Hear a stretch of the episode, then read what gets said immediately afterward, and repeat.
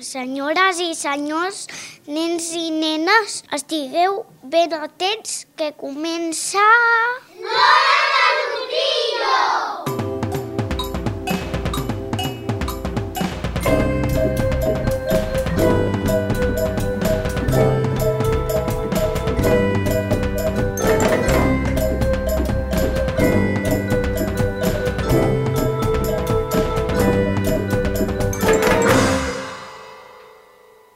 Bona tarda, estimats oients de Ràdio Miquel Utrillo i benvinguts a l'últim programa d'aquesta temporada de l'Hora de l'Utrillo.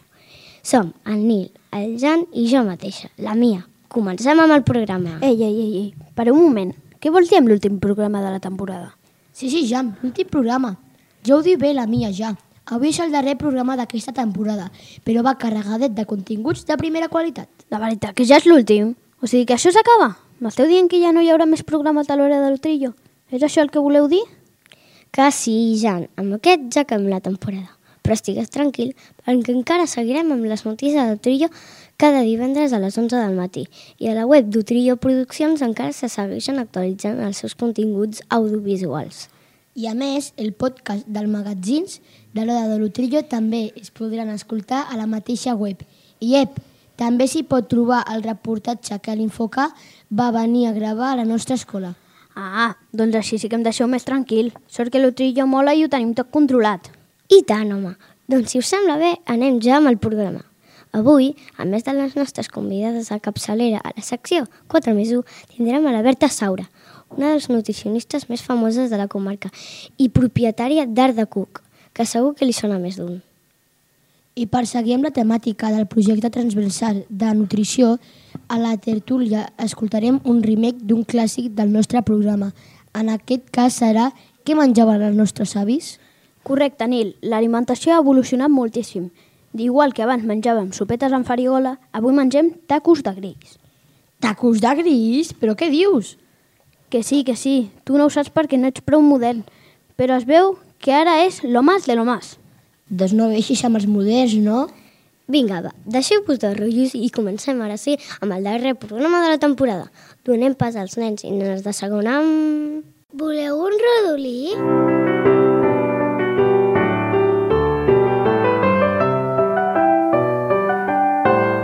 Pel setembre vi per prendre.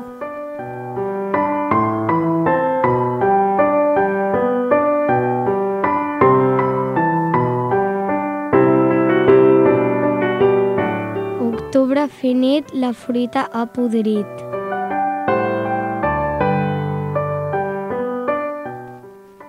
A finals de novembre, la teva oliva arreplega sempre.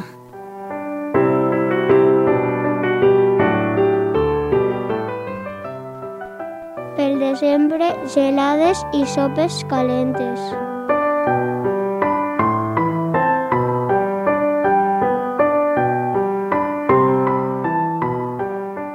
Molt bons els rodolins d'avui. Quina pena que s'hagin acabat. Doncs sí, han fet una revisió del costumari tradicional català que flipes, eh? Sí, sí, encara, encara me'n recordo jo de quan nosaltres fèiem també els rodolins a segon. Sí, noia, el temps passa volant i nosaltres hem de seguir amb el programa. I passem ara a l'entrevista de la setmana, a la secció 4 més 1, on avui els nostres companys i companyes de quart C entrevistarem a una experta en nutrició, la Berta Saura. Som-hi, doncs, amb el 4 més 1. 4 més 1.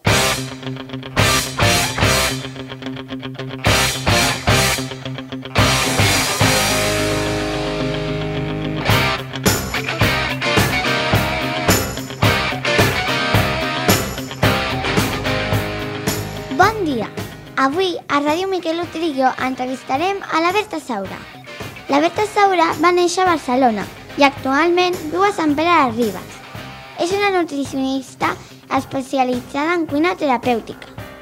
A més a més, és una persona preocupada per la cura del medi ambient. Per això cuina amb productes de proximitat. També té una empresa a Vilanova que es diu Art de Cook. És una empresa dedicada a fer menjars saludables a domicili. Es diu Tàpers Saludables. Hola, Berta, com estàs? Et sembla si comencem amb les preguntes? Hola, bon dia. I tant? Vinga, comencem. Sabem que ets un amant de la salut a través de la nutrició. Per què és tan important menjar saludable?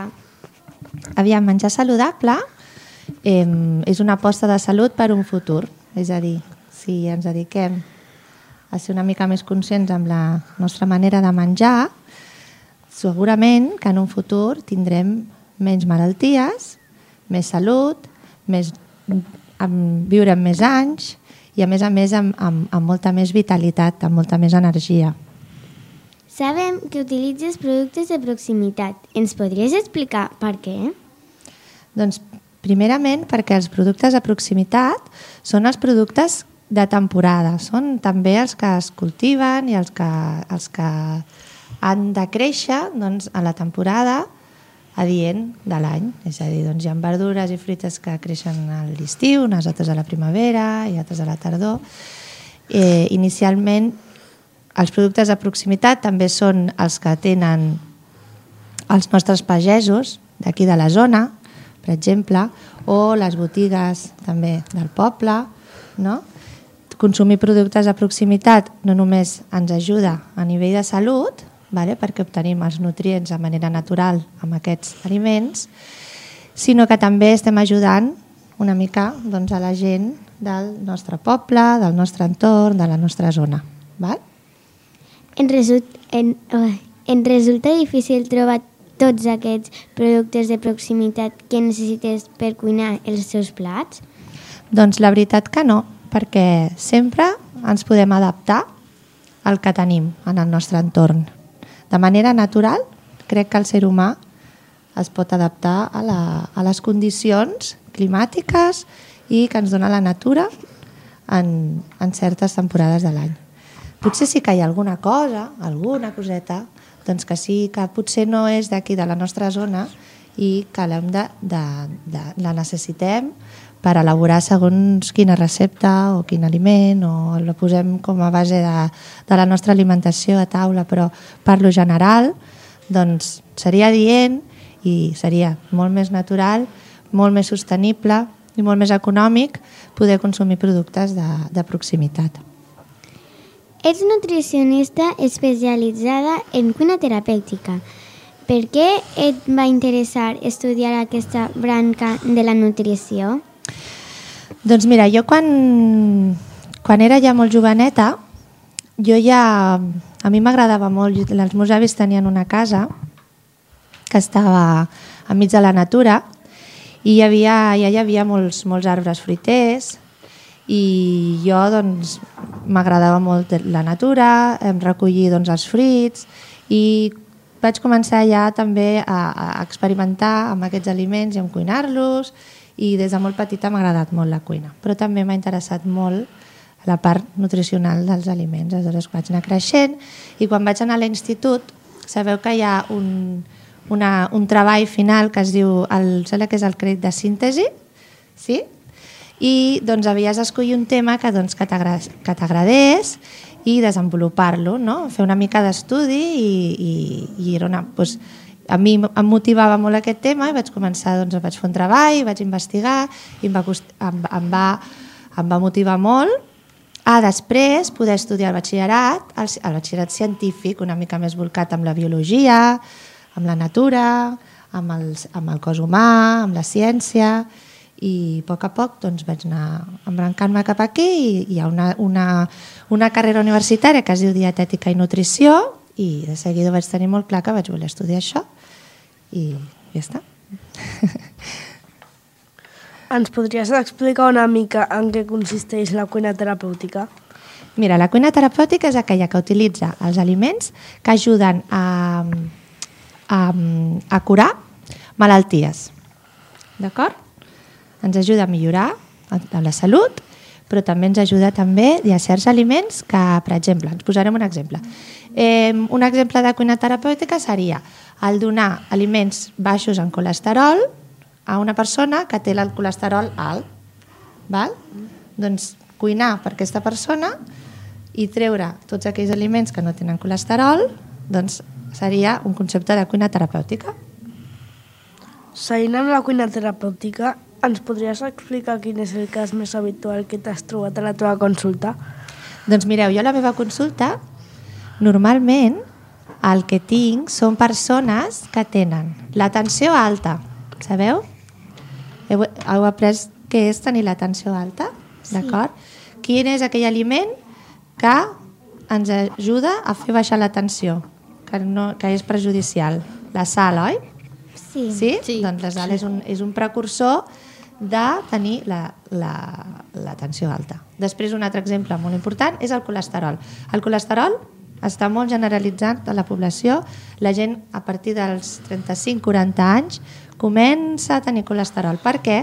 Doncs perquè, per lo general, per lo general, estem parlant per lo general, eh, s'alimenta bastant malament i abusa d'aliments d'origen animal on que tenen molts greixos mengen masses làctics, masses greixos, massa, masses greixos d'aliments de, de, de, doncs, processats, com puguin ser doncs, els frankfurts, les salsitxes, l'embotit, d'acord?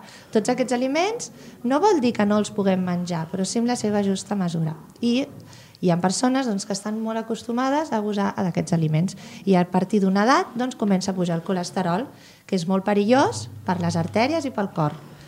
Aleshores, doncs, fent una dieta baixant colesterol, doncs ajudem aquestes persones a, a millorar en salut. D'acord? Sabem que fa uns anys vas decidir crear una empresa de cuina. Per què vas crear The Cook? Doncs perquè mm, jo quan vaig començar la carrera i vaig, vaig començar a estudiar doncs, anatomia, doncs, dietoteràpia, tota una sèrie d'assignatures, realment em vaig donar compte que sí, que, que menjar bé doncs, doncs era la base de la salut, però que hi havia una necessitat per part de la societat d'aprendre a cuinar i d'aprendre a cuinar aquests aliments que van bé per la salut. Nosaltres estem acostumats a sentir que menjar bé és menjar verdura amb patata.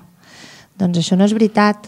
Doncs hi ha moltes maneres de cuinar i hi ha maneres de ser creatiu amb la cuina i utilitzar tots els productes de temporada per poder crear plats molt innovadors, molt més creatius i boníssims. Val? Aleshores vaig veure, vaig, al final vaig veure que hi havia una necessitat d'educació culinària dins del món de la nutrició i, i em vaig embrancar cap aquí i quan vaig acabar la carrera doncs vaig començar a estudiar cuina terapèutica, dietoteràpia aplicada a la cuina i mira, doncs em va portar a, a crear aquesta empresa per ajudar doncs, a la societat també, no? una mica.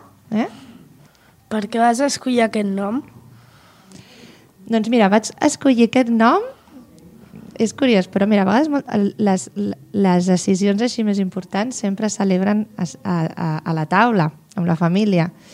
I vam fer una reunió de cosins i jo tinc una cosina que és molt creativa i molt de seguida té moltes idees i, i aleshores doncs, vam, vam fer com jocs de paraules i vosaltres sabeu que hi ha un, un, no sé si sabeu que hi ha un estil d'art que es diu Art Deco, hi ha un estil que es diu Art Deco, ¿vale?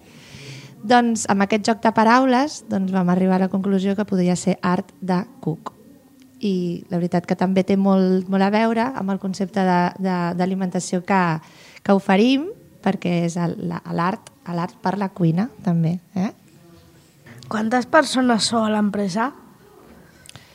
Mira, actualment som Depèn, depèn del dia. Tot pot dependre, perquè sabeu que nosaltres fem, de dilluns a divendres, fem el tàper saludable, que és un menú que portem doncs, a les empreses i als particulars, i és un menú on, ta, on ta utilitzem doncs, productes de proximitat i, i és molt saludable. ¿vale? Aleshores, aquí jo ja tinc una cuinera que cuina. I després hi ha uns transportistes que porten el menjar al, doncs a les cases o a les empreses. ¿vale? Però a més a més doncs, hi ha dies que, que fem cursos de cuina. Aleshores doncs, també tinc professionals que venen a, a, a impartir el curs. Val? O a vegades també fem esdeveniments on tenim que subcontractar cambrers, més cuiners, i ens hem d'instal·lar en un espai i hem de cuinar. O sigui que depèn del dia, però sí, podem arribar a ser molts o fer una plantilla més petitona. Com t'inspires a l'hora d'elaborar un plat saludable? Doncs la veritat que també estudiant bastant. Quan cuines, quan cuines molt, quan fas cursos, quan estudies, doncs se t'acudeixen moltes coses, doncs és important sempre anotar-les i, i en els moments en què estiguis tranquil doncs poder executar-les, és a dir, plasmar-les. Aleshores, mmm, aquests plats jo els he basats una mica amb la necessitat que, ve, que hi ha de nutrients, que, que els nutrients que necessita un plat, i he intentat sempre utilitzar doncs, productes que no siguin processats, és a dir, productes que trobem de la natura o que elaborem nosaltres en el nostre propi obrador i és molt, molt important sempre jugar amb els colors. Vosaltres veieu els meus plats molt, molt color, amb molt de color, no? Sí. Doncs és molt important tenir el concepte de que les vitamines i els minerals es troben en, una, en un mateix plat en diferents aliments. I per tenir tota aquesta quantitat de vitamines i minerals és important que siguin molt diversificats en colors. Vale? Hi ha minerals i vitamines que estan en, els en, els en les verdures de color taronja, per exemple, que són els betacarotens. N'hi han d'altres que estan els de, de color verd, que és l'àcid fòlic, per exemple. D'acord? Aleshores, tota aquesta barreja de nutrients fan que nosaltres millorem en salut. Si nosaltres pensem que un plat té que tenir molts colors, combinem moltes verdures i minerals i aliments no processats, doncs podem aconseguir productes molt, molt alts en nutrients, molt bons per la salut, i si això doncs, vas jugant i vas combinant, doncs és quan surten plats així. Però tots aquests plans tenen que sortir sempre quan hi ha una informació prèvia. Eh? Per això és molt important que us interesseu molt en els nutrients dels aliments i que sapigueu cuinar-los i que i us agradin. Eh? Sabem que elabores molts plats diferents. Quin és el teu plat estrella? El meu plat estrella... En, no et podria dir ara en concret quin, quin tinc, però, en, però sí que n'hi ha un que des de fa molt de temps que, que fem, que és, eh, un, són uns fideus, val? és una fideuà que és amb fideus integrals i que porta mm, verdures, diferents verdures, vale? porta bolets i porta un, un aliment que es diu alga, no sé si la coneixeu, vale? és com el, un vegetal que ve del, del mar, d'acord? I que és molt ric en nutrients, moltíssim, té molts minerals i moltes vitamines i proteïna, sabeu el que són les proteïnes? Sí. Proteïna d'origen vegetal, val? molt important en la nostra alimentació. Estem molt acostumats a menjar molta proteïna d'origen animal. I en veritat hauríem de prendre el 50% d'origen animal i el 50% d'origen vegetal. Aleshores, introduint les algues a dins dels aliments, augmentem molt el seu poder nutricional i, a més a més, les seves proteïnes d'origen vegetal. Aleshores, és un plat que és molt interessant i molt, molt nutricionalment molt potent. Val? I, I aquest plat acostuma a agradar moltíssim. Tenim una curiositat. Què seria si no fossis nutricionista i cuinera? Doncs m'agradaria ser metge. M'hagués agradat molt ser metge. Però mira, la vida m'ha conduït cap aquí i no se sap mai, a més a més, si algun dia puc aconseguir. Estem fent un projecte sobre la nutrició. Ens encantaria que ens ensenyessis a elaborar un plat saludable. Ens, ens pots explicar una mica com elaborar-lo de manera fàcil? Val. Com podem elaborar un plat saludable? Vinga, vosaltres sabeu sabeu que a un plat, perquè sigui complet a nivell nutricional, eh? anem a fer un sol plat, vale? té que portar la meitat vale? d'hidrats de carboni i verdures, sí? una altra part més petita de greixos i una altra de proteïnes. Val? Anem a escollir aquells aliments que són saludables, d'acord? I creem un plat que sigui complet. Vale? Vinga, si anem a escollir una proteïna, per exemple, quina proteïna podríem posar? Una proteïna que sapiguem nosaltres que és molt rica en proteïnes i que és molt saludable. Els ous? Els ous, perfecte, molt bé. Doncs, per exemple, podem fer una truita. Què et sembla? Fem una truita? Val. I si a aquesta truita li posem uns vegetals a dins? Li posem una mica de ceba i carbassó? Vale. Sí? Li posem una mica de ceba i carbassó. I, a més a més, amb què ho podem acompanyar? Amb un hidrat de carboni, bastant important i que tenim molt a la base aquí. Arròs? integral. Importantíssim la fibra dins de l'alimentació. Val? Arròs integral i una truita de carbassó. Perfecte. I si volguéssim aportar algun tipus de greix saludable, El peix? no, el peix és una proteïna. Seria també una proteïna molt saludable, eh? També podríem posar, a més de l'ou, posar el peix. Mireu, els greixos podríem utilitzar. Per exemple, els fruits secs. El, el, sí. el greix dels fruits secs és un greix molt saludable. Doncs podríem acompanyar aquest arròs amb una mica d'ametles o d'avellanes picadetes i tirades per sobre de l'arròs i acompanyar-lo d'aquesta truita de carbassó. Què us sembla? Molt bé. Sí? Perfecte. Doncs ja està. Ja n'hem ja n'hem creat un, rapidíssim. I per últim, tres preguntes ràpides i personals. Digue'ns una cançó, un llibre i una pel·lícula. Vale. Al llibre hi ha un que m'agraden molts, però el que m'ha marcat molt i, i de joveneta com vosaltres és La casa de los espíritus d'Isabel Allende. Val? I de cançó eh, m'agrada molt una cançó de Lou Reed que es diu Walk on the Wall Side. I la... I la pel·lícula, sí, la, m'agrada molt, molt, l'he vist, vist 40.000 vegades, Forrest Gump, m'encanta. Berta, moltes gràcies per venir. Ens has ajudat molt a tenir més informació per al nostre projecte i també a aprendre més coses per seguir millorant la nostra manera d'alimentar-nos. Esperem que tinguis molt èxit amb la teva empresa i amb la teva vida. Moltíssimes gràcies i fins aviat! Moltes gràcies. Adeu.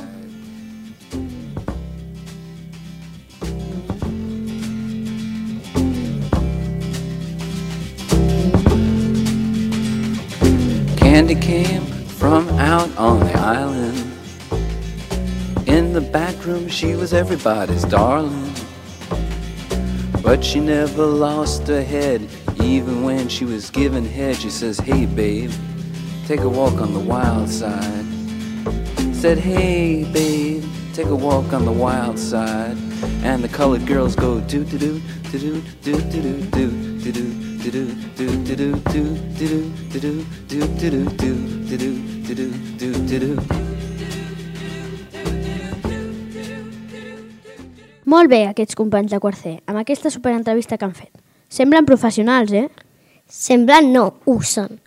Us recordo que al llarg de tot el curs, l'alumnat de quart, hem estat fent un taller de ràdio eh, per dominar l'estudi de la perfecció.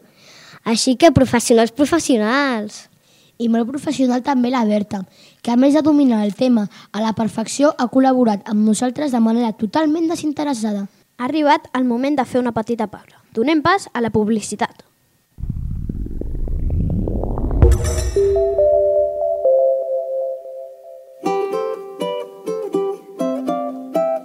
Mira aquells nanos, que bons que són, que ajuden a la gent gran. A mi també m'agradaria ajudar, però estic molt enfeinada durant tota la setmana. Doncs no et preocupis perquè amb la cooperativa SOS de l'Escola Miquel Utrillo pots fer una donació prenent un cafè des de casa o bé pots anar a l'escola i donar presencialment, que allà sempre t'esperen. Ah, mira, un cartell de la cooperativa. Poso el QR i faig la meva donació.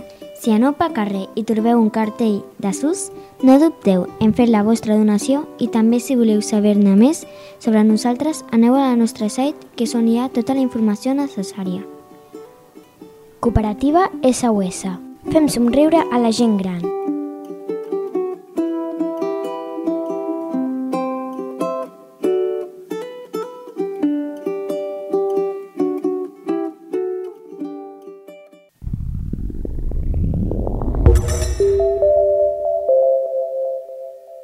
Publicitat de qualitat i proximitat, eh?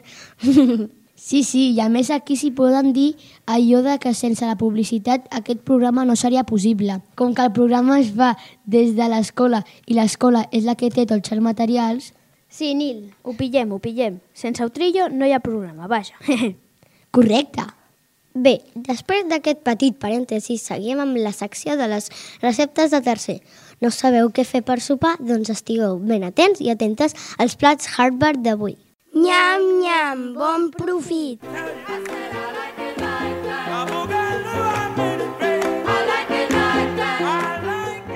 Pastís de carn.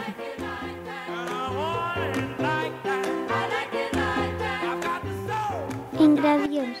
4 patates, un paquet sencer de carn picada, 150 grams de formatge, dos ous, dues cebes, sal i pebre.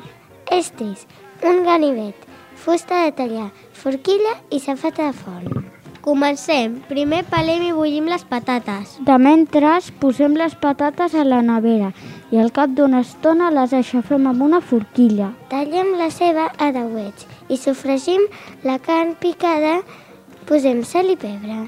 A la safata de forn posem una capa fina de patates damunt d'una de carn, fer-ho diverses vegades.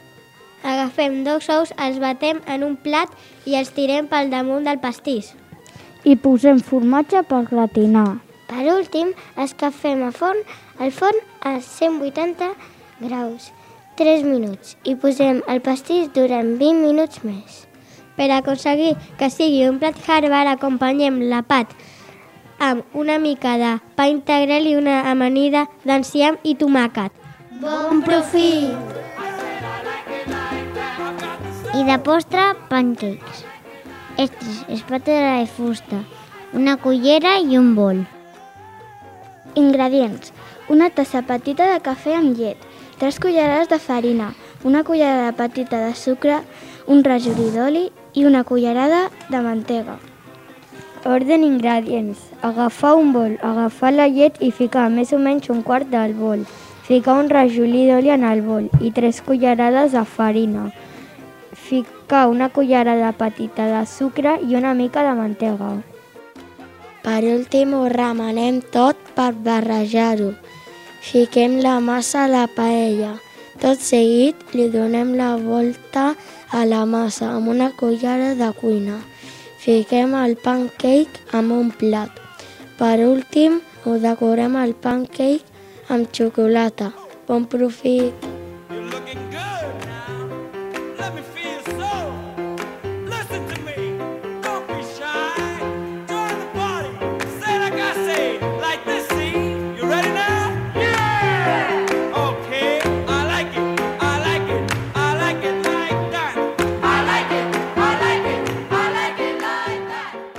El pastís de carn és un dels meus plats preferits. Doncs jo sóc més dels postres i els pancakes em tornen boja. Vinga, vinga, no, sile, no sigueu golafres, que tenim molt programa per davant. Després d'aquestes fantàstiques receptes anirem a la secció que ens preparen els companys i companyes de cinquè. Avui, a la tertúlia, parlant també sobre un tema relacionat amb l'alimentació. Però aquesta vegada recuperarem el format d'un clàssic del programa.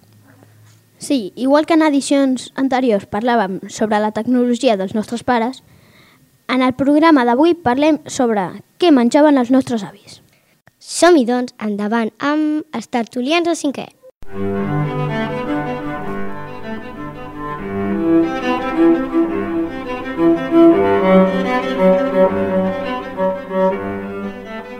La tertúlia.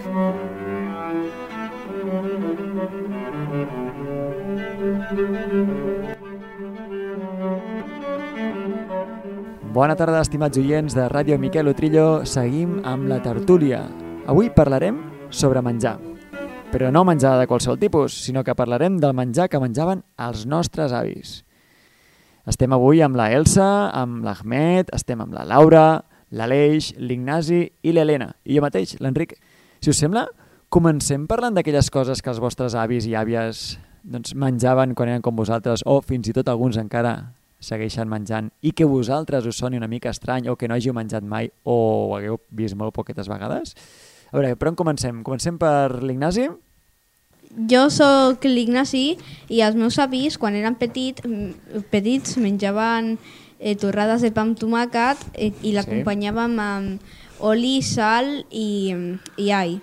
I li posaven eh, pernil salat a, a dalt. Després també els encantava la paella, que li feien una salsa que estava feta amb cranc blau. O sigui, el pa amb tomàquet, això més o menys tothom ha menjat pa amb tomàquet amb, Sí. amb oli i sal? Sí. Sí, I sí. Algú de vosaltres hi ha posat mai all? Jo sempre li Jo sí, jo no. No, no, no. no. no. no. Li poso sal. Vale, Eso, tenim, tenim diversitat d'opinions. Eh? Hi ha gent que diu que sí, que l'han posat, hi ha gent que diu que no. Jo sí, jo sí he vist gent que posava all al pa.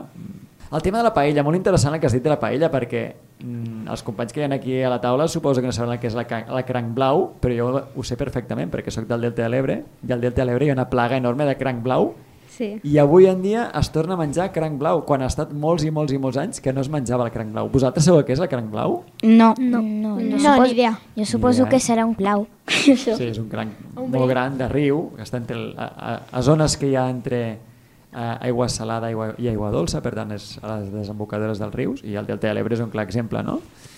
Molt bé, doncs seguim. Jo, jo per exemple, abans de que, de que seguiu, una cosa que recordo que hi havia molt a casa dels meus avis era sopes de farigola.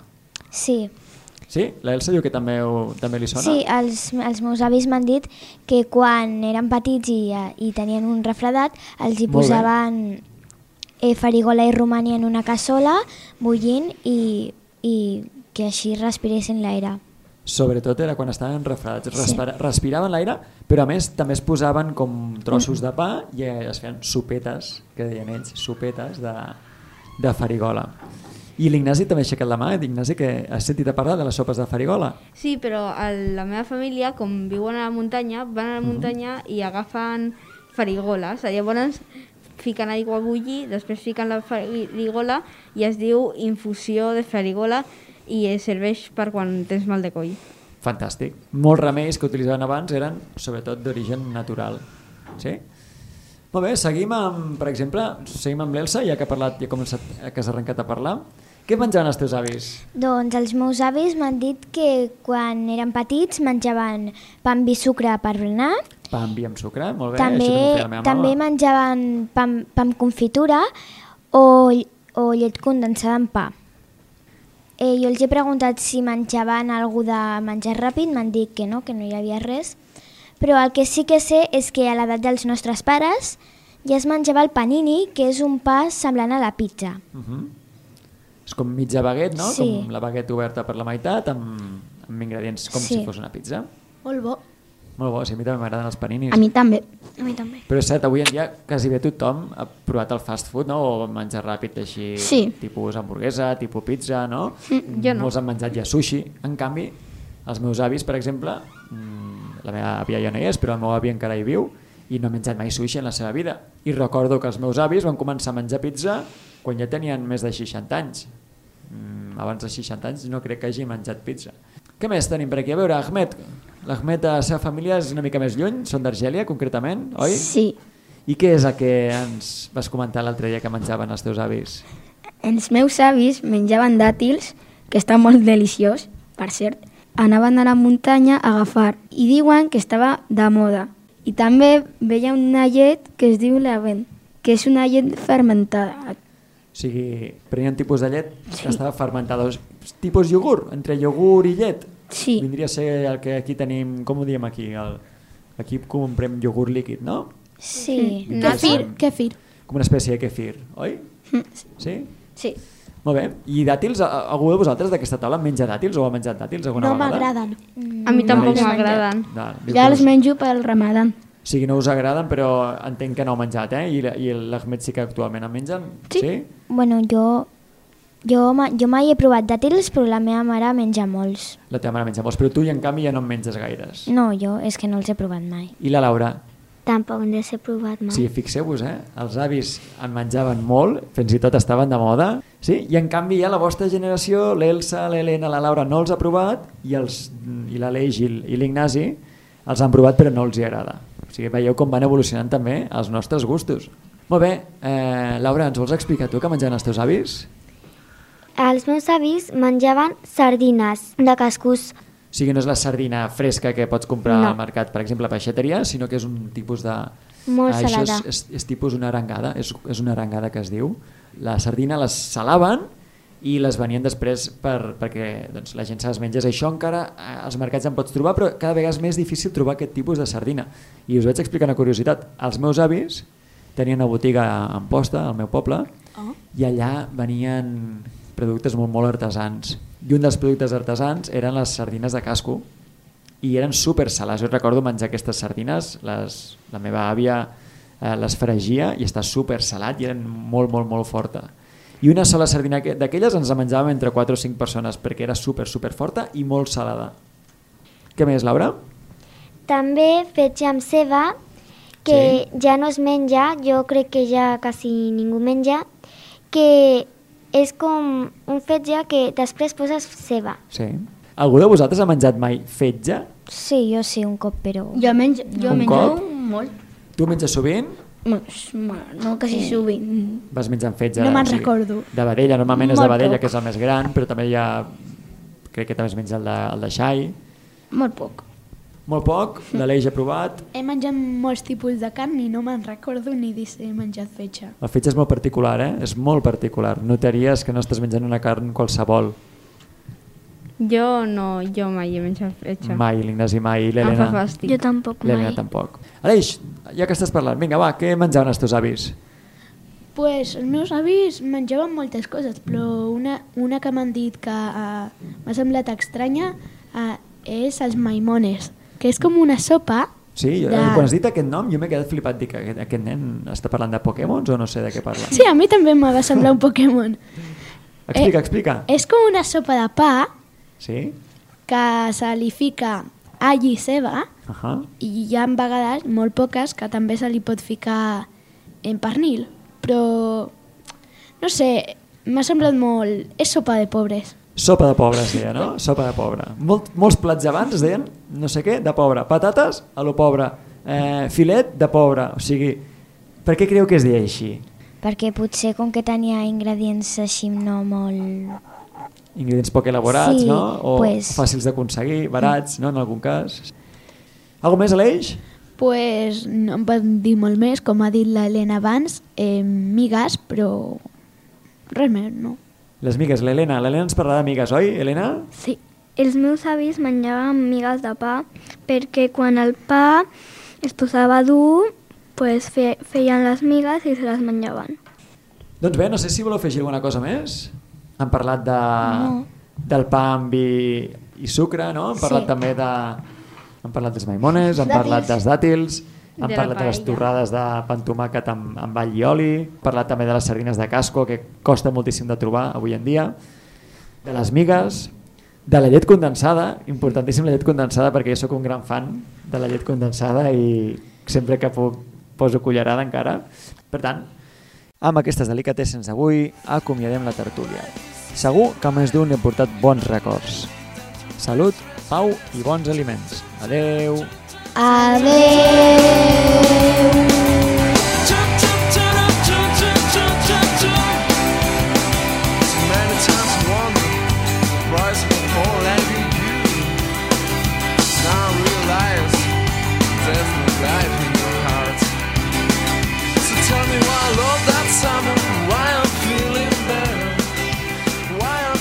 Ostres, és molt interessant veure com han canviat el temps també en l'alimentació.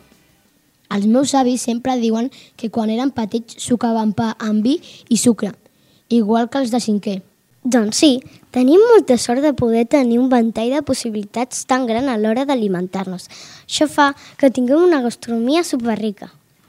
Sí, però alhora també és perillós, perquè hi ha una quantitat enorme d'aliments ultraprocessats po molt poc saludables. De fet, Espanya és el quart país d'Europa amb més obesitat infantil. Cal estar molt al loro a l'hora d'alimentar-nos. Efectivament, s'ha de vigilar molt. I canviant de tema, per si algú no se n'havia donat, la setmana passada va ser Sant Jordi. Per això ens vam reservar un conte ideal per la locació. Ho deixem amb el conte d'avui, Sant Jordi i el drac. Hi havia una vegada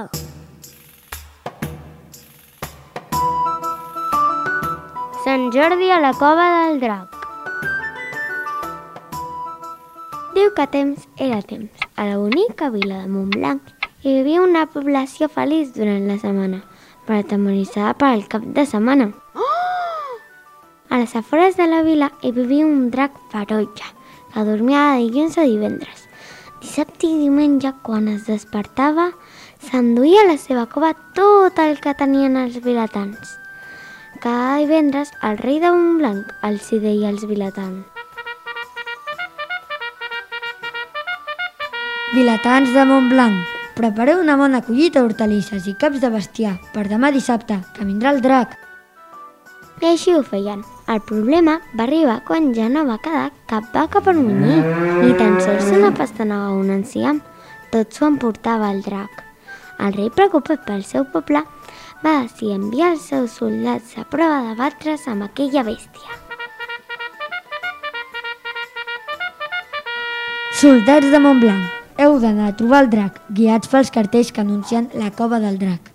Heu de lluitar en nom dels vilatans per aconseguir alliberar-nos d'aquesta terrible bèstia.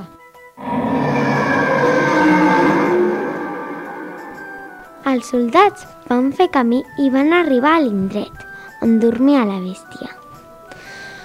Van trobar que era un lloc molt agradable. El primer que van veure va ser una llarga taula ben parada, com si anés a celebrar un gran banquet. Els soldats no entenien res de res. Llavors va aparèixer el drac. Feia 4 metres d'alt i duia un, delata, un delantal de color rosa. El drac se'ls va acostar i els hi va dir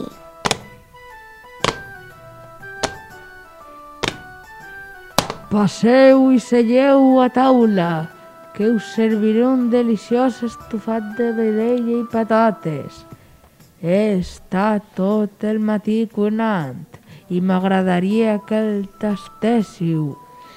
Morts de por, els soldats li van anar fent cas i van tastar l'estofat. Que bo que és! Felicitats, drac! Enhorabona, està boníssim! Quina alegria, quina alegria! Feia molt de temps que ningú venia a la meva cova a desgustar les meves receptes. Com que els soldats no, no tornaven al poble, els vilatans creien que se'ls havia cruspit. No hi ha més remei. Faré un sorteig i cada dia el drac haurà de menjar-se algú perquè no ens ataqui. I així ho van fer, mentre es pensaven una solució per vèncer aquella bèstia. La princesa, però, era molt valenta i va fer trampes. Posaré el meu nom a totes les butlletes, així sortiré escollida i podré enfrontar-me al drac. I és clar, el dia del sorteig va sortir escollida. Va agafar el seu cabell blanc i cap a la cova se'n va anar. Tot el poble plorava desconsoladament.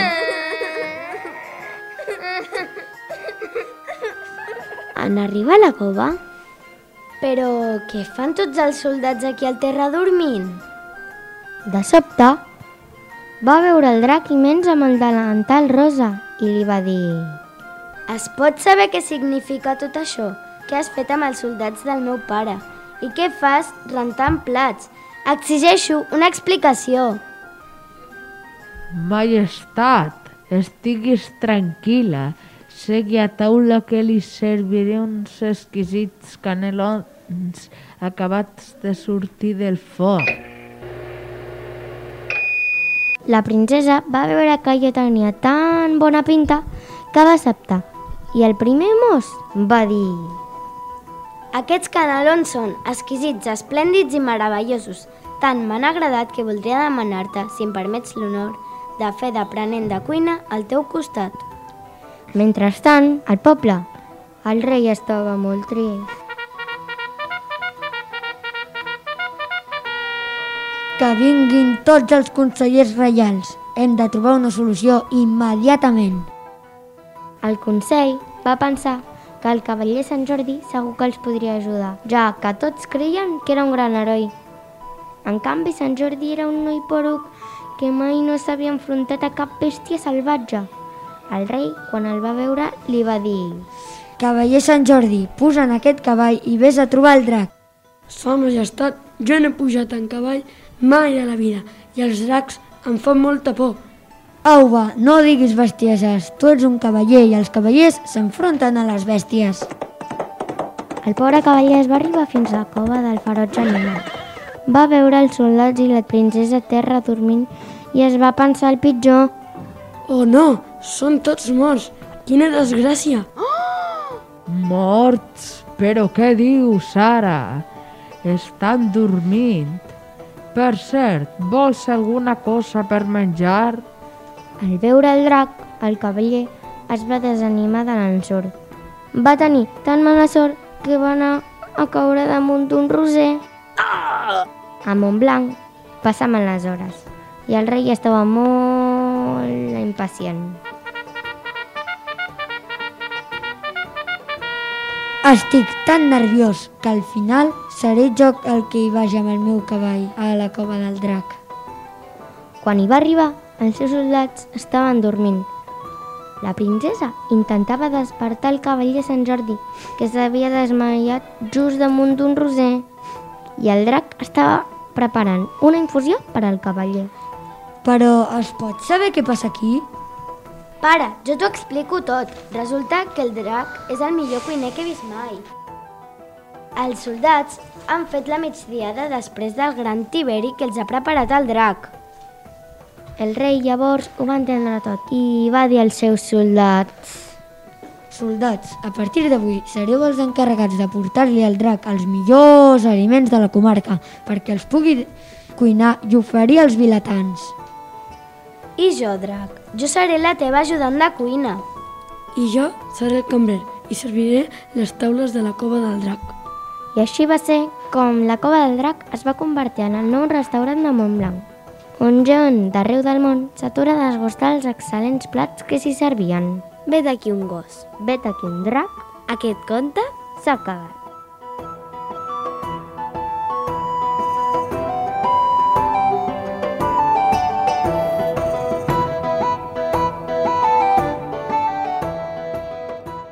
Aquesta versió del drac encara no s'havia sentit mai i m'ha encantat. Doncs sí, a mi també m'ha agradat. Igual que l'acte de celebració de Sant Jordi d'aquest any, que el drac estava cansat de que tothom li digui com ha de ser i què ha de fer. Vale, deixem enrere els dracs i els cavallers i passem a la nova secció d'aquest any. Voleu saber quins són els millors escape rooms de la zona? Escolteu, escolteu. Escape rooms.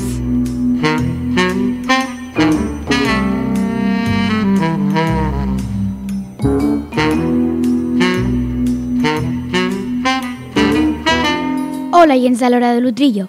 Avui a la nostra secció d'Escape Rooms, la Marta i la Isabel ens faran el top 4 dels millors escapes de la zona per fer en família.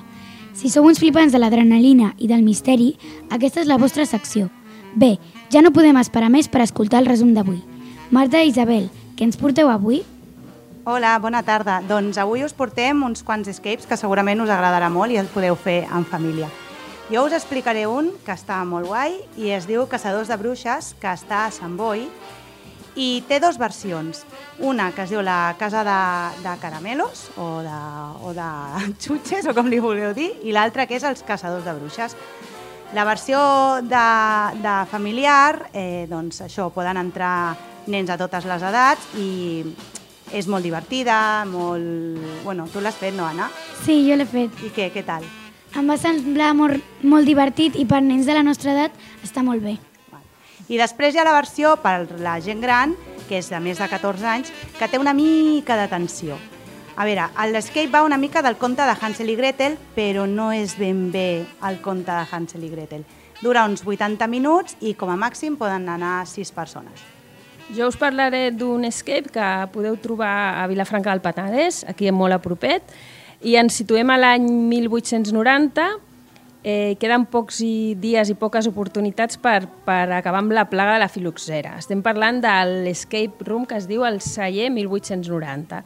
Llavors es tracta d'aconseguir eh, el, el, el llibre antic que tenia el Miquel, que és l'avi Miquel, que tenia un llibre antic on té la solució per acabar amb la filoxera, que va anar fora de Catalunya per, per aconseguir esbrinar com podia acabar amb la plaga, però aquest senyor mor i llavors hem d'aconseguir aquest, aquest llibre i aquí tenim la solució per acabar amb la filoxera. I ens hem trobat un munt de, de, de proves i finalment doncs, ho aconseguim. Llavors és un escape que està molt bé perquè és molt espaiós, té molt d'espai, és fins a 8 persones i per anar en família està molt bé perquè pels nens és molt entretingut i hi ha moltes coses a fer i està aquí a prop, o sigui que us el recomanem.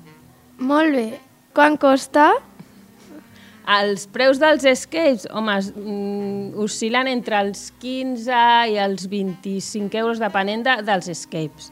Però els preus oscil·larien a, en aquest barem. El que, el que sí que hi ha molts escapes que el que fan és que com més gent va, el preu baixa. Si som un grup de 4 és un preu, si som un grup de 6 doncs es rebaixa aquest preu. Llavors també us hem de dir que a Vilafranca hi ha una altra que es diu la Trementinaire, que també és familiar però la dificultat és més alta i potser pels nens, si no tens molta experiència, doncs mm, és un pèl més difícil. Sí. Però també està molt bé i també és, és, el tema és tema rural, de vinyes i Sí. de, del Penedès. Doncs uh, després us, us recomanem molt i molt i molt, que crec que aquest ja el vam dir a l'anterior secció, que és un escape que es diu La Mina i està a l'Hospitalet i realment entreu en una mina. La, el joc o la història és que fa molts anys va haver una explosió en aquesta mina i es van quedar, els miners es van quedar allà tancats i ara hi ha una empresa doncs, que eh, bueno, diu que vol recuperar els, els cossos i per les famílies.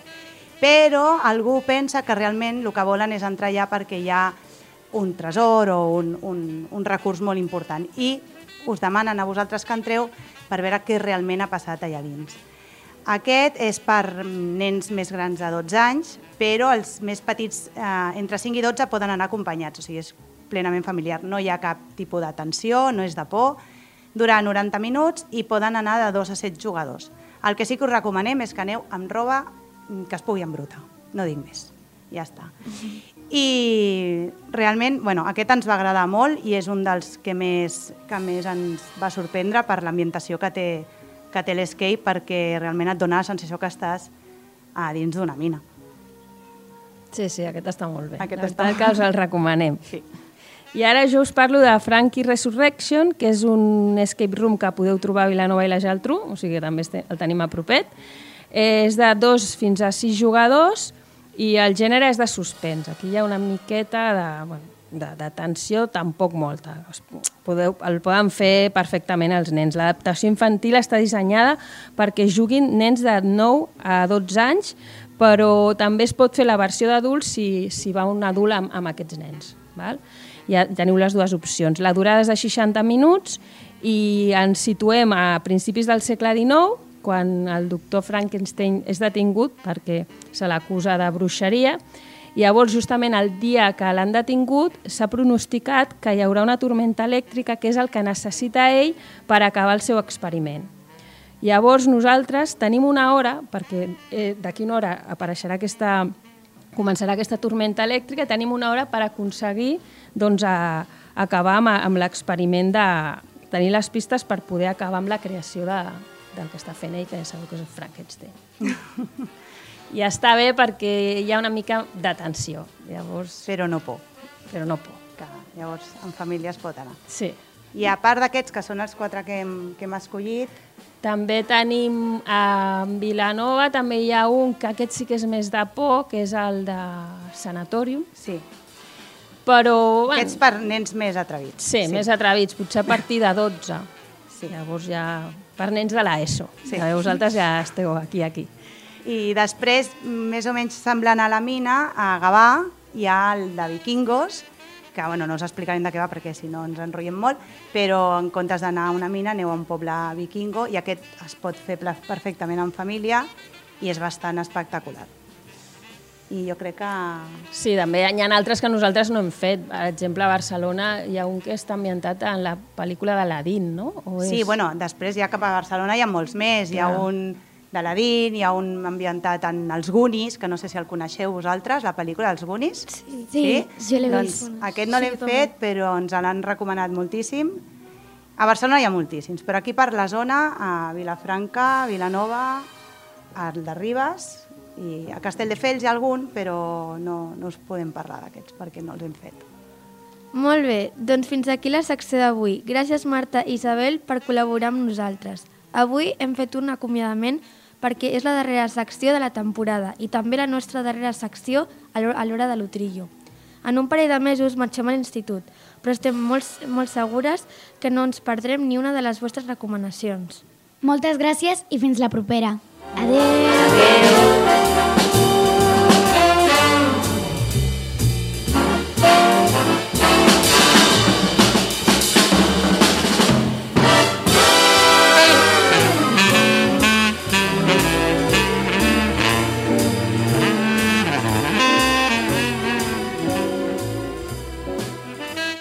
Moltes gràcies, Marta i Isabel, per col·laborar tants anys amb nosaltres. Us trobarem molt a falta. O sigui, que ja no tornen més aquestes mares? Home, clar, les seves filles marxen i elles també. Les hem fet venir molts anys i han estat sempre al peu del canó. No els hi podem demanar més.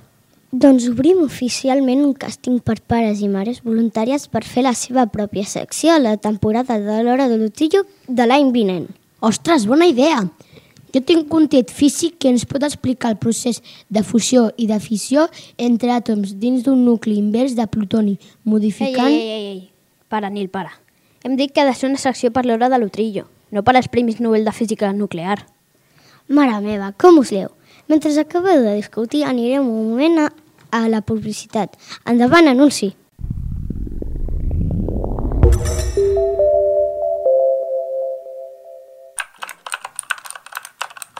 Mama, mama, vull ser streamer, però no sé com es fa. No et preocupis, hi ha encarregat el RoboStreamer. El RoboStreamer, com el seu nom indica, és un robot fet per ensenyar al teu fill a ser streamer i també fa directes personalitzats per al teu fill. Compra'l ja perquè és... La bomba! Compra'l ja!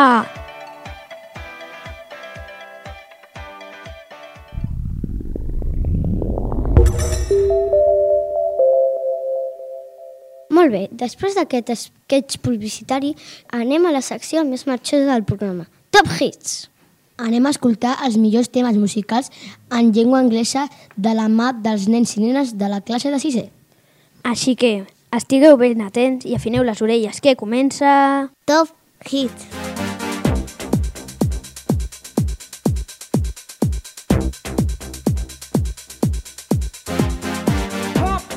jam, pump it up. Why you Hello, followers. Today is the last session of Top Hits, and uh, we are very glad to have Georgina. Hi. Anna. Hi there. And myself, Alex. And of course, our teacher, Laura. Hello, people. In this session, girls, things are going to be a little bit different, and you three are going to be the ones who manage the program. What do you think? Oh, OMG.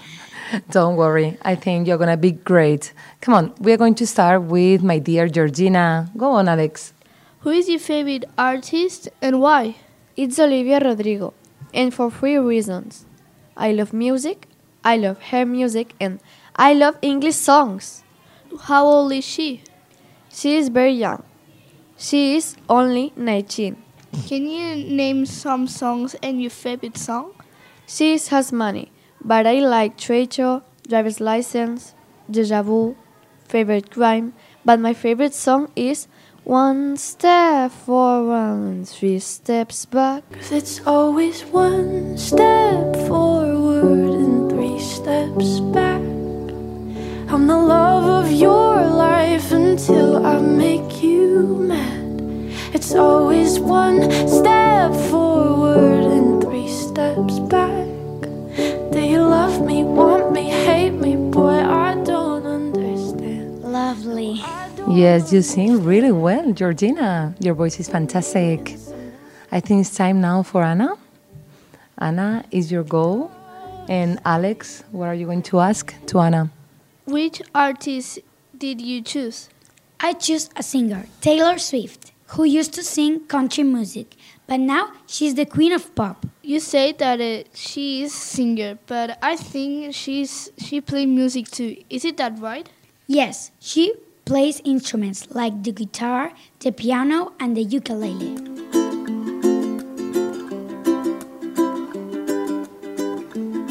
Finally, Anna, which song is your favorite song? I like many of them, but my favorite is You Belong to Me. Today, though, I choose Shake It Off to dance a little bit.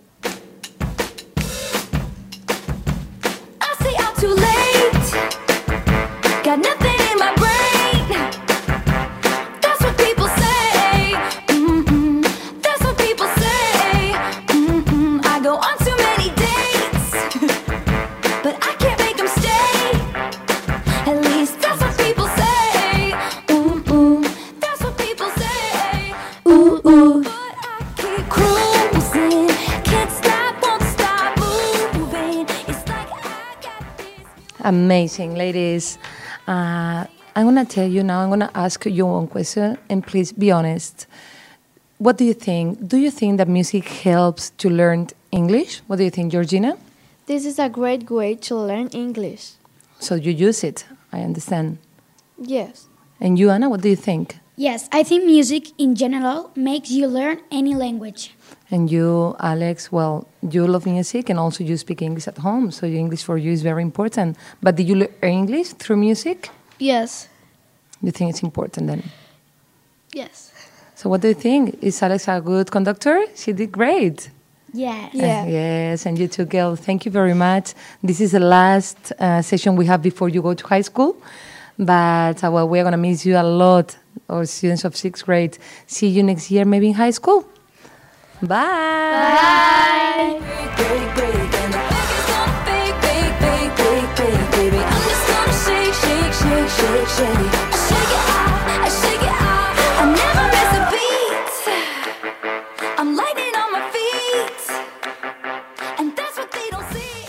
Quines cançons més guapes, eh? Em recorden a quan era jove. Nil, tu encara ets jove. És més, no ets ni jove, ets un nen. Bueno, però sempre quedeu a dir-ho, no? Vinga, va, que arribem a la recta final del programa. Un altre clàssic del nostre magazín és la secció que ve a continuació, on hi trobarem les millors recomanacions literàries de les nostres biblioteques municipals. Endavant amb... La Marta ens recomana.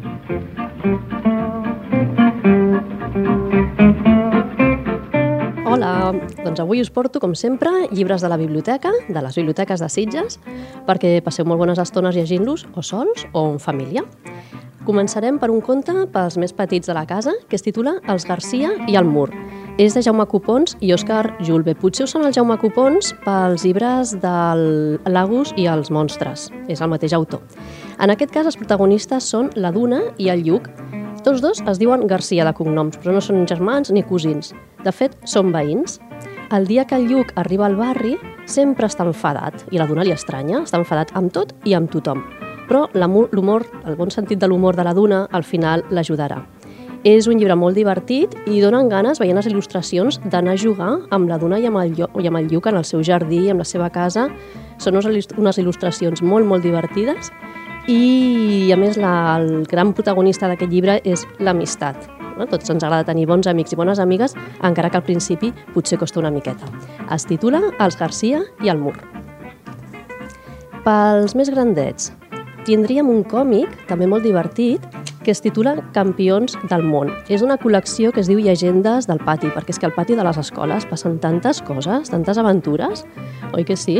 Doncs en aquest cas tenim el Ferran, de quart B, que vol batre el rècord Guinness d'estar amagat, jugant a amagar-se.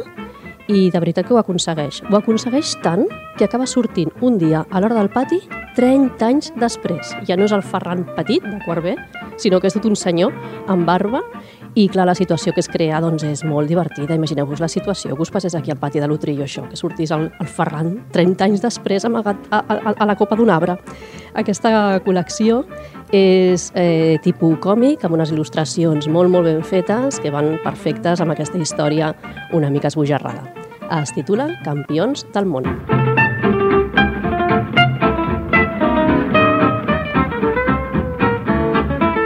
Pugem d'edat pels més grans, pels que ja llegeixen i volen aventures més, amb més lletres. Tenim El gran viatge del Dominic, de William Stake. Aquest autor és molt, molt conegut perquè va començar fent il·lustracions i un dels seus llibres més famosos és Shrek, del que després van fer la pel·lícula, però primer va ser un llibre de William Stake. El gran viatge del Dominic és la història, les aventures, evidentment, del Dominic, que és un gos, un gos amb moltes ganes de viure i de descobrir el món. I a cada capítol viu una mini-aventura. El Dominic l'aniran acompanyant altres personatges i amb tots aprendrem alguna cosa, però sobretot aprendrem que la vida és això, omplir-la de bones experiències. I us hem portat també una recomanació de cuina. En aquesta ocasió, la cuina d'en Sam i la seva família. També del Jaume Copons i la Liliana Fortuny. Uh, és tota una família que cuina, el pare, la mare, l'àvia i els fills. Està ple de plats diaris, amb tots els passos a seguir, els ingredients il·lustrat d'una manera també mm, molt, molt visual perquè no us perdeu cap dels passos i poder fer això, doncs, menjars molt i molt bons, macarrons, patates fregides, amanides, peix, carn, postres... És un llibre molt visual i que a més a més va seguint la història d'aquesta família, la cuina d'en Sam i la seva família. Doncs espero que siguin bones propostes per tots vosaltres i que els gaudiu molt en família també.